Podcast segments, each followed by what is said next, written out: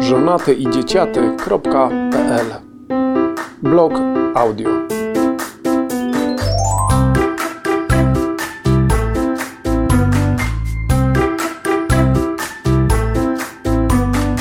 Czyta autor. Wskaźniki kultury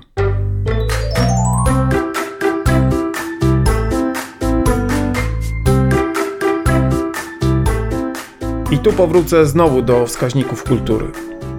Do toruńskiej edycji Sfery Ruchu zakwalifikowało się 18 spektakli z czterech zgłoszonych. W warsztatach wzięła udział ponad setka zainteresowanych, głównie tancerzy.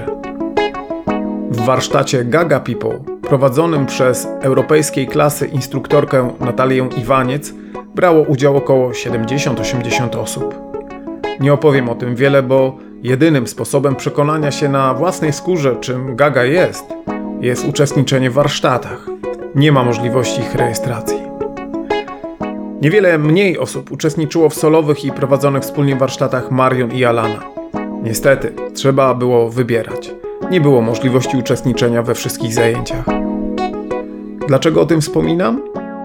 Bo ile chodzi o wskaźnik kultury wyrażany jakością przejawień, złożonością i rozpiętością znaczeń tejże, myślę, że nie mamy się jako Polacy, Polska, czego wstydzić. Widać zaangażowanie, ale też rozwój indywidualnych twórców i postępy całych zespołów.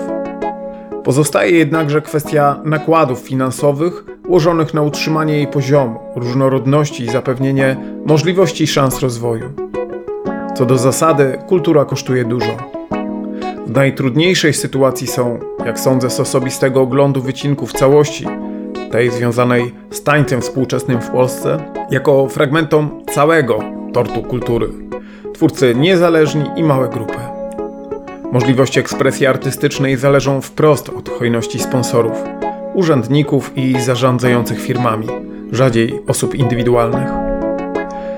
W nieciekawej sytuacji znajdują się i ci, którzy o wsparcie kultury proszą, i ci, którzy z różnych powodów go nie udzielają. Tracimy jednak wszyscy. O wspieraniu kultury można myśleć także od drugiej strony. Wyrazem tego jest partycypowanie w niej. Taniec, który lubię, wypada tu niestety słabiutko. W odróżnieniu od krajów Europy Zachodniej, nawet bardzo blado. Dostępność spektakli tanecznych w Europie jest dużo wyższa niż w Polsce. Zapewne ma to związek nie tylko z zasobnością portfeli osób korzystających z tego dobra, ale też z artystycznym wysmakowaniem i potrzebami odbiorców, tworzącymi popyt na takie formy kultury. Popularność najprostszej w odbiorze kultury nasuwa mi przypuszczenie, że ludzie mogą chcieć unikać konieczności podejmowania wysiłku rozumienia odbieranej sztuki, konsumując wyłącznie powierzchnię. Wówczas, oczywista, nigdy dość świateł, i decybeli. Nie wiem, ile w tej chęci jest prawdziwej niemocy, a ile nieracjonalnego strachu.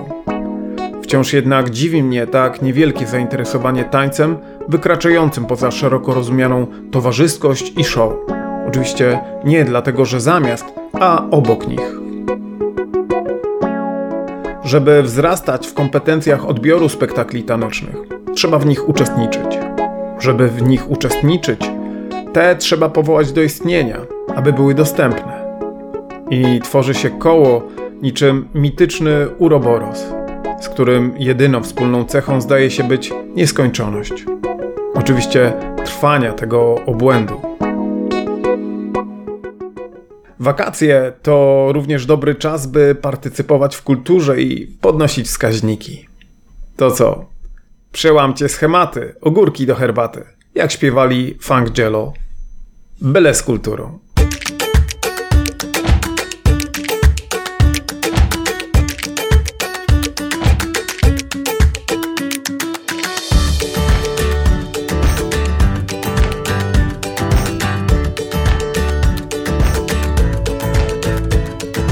Piszę, bo lubię. Nagrywam, bo mogę. Słuchasz, bo wspierasz.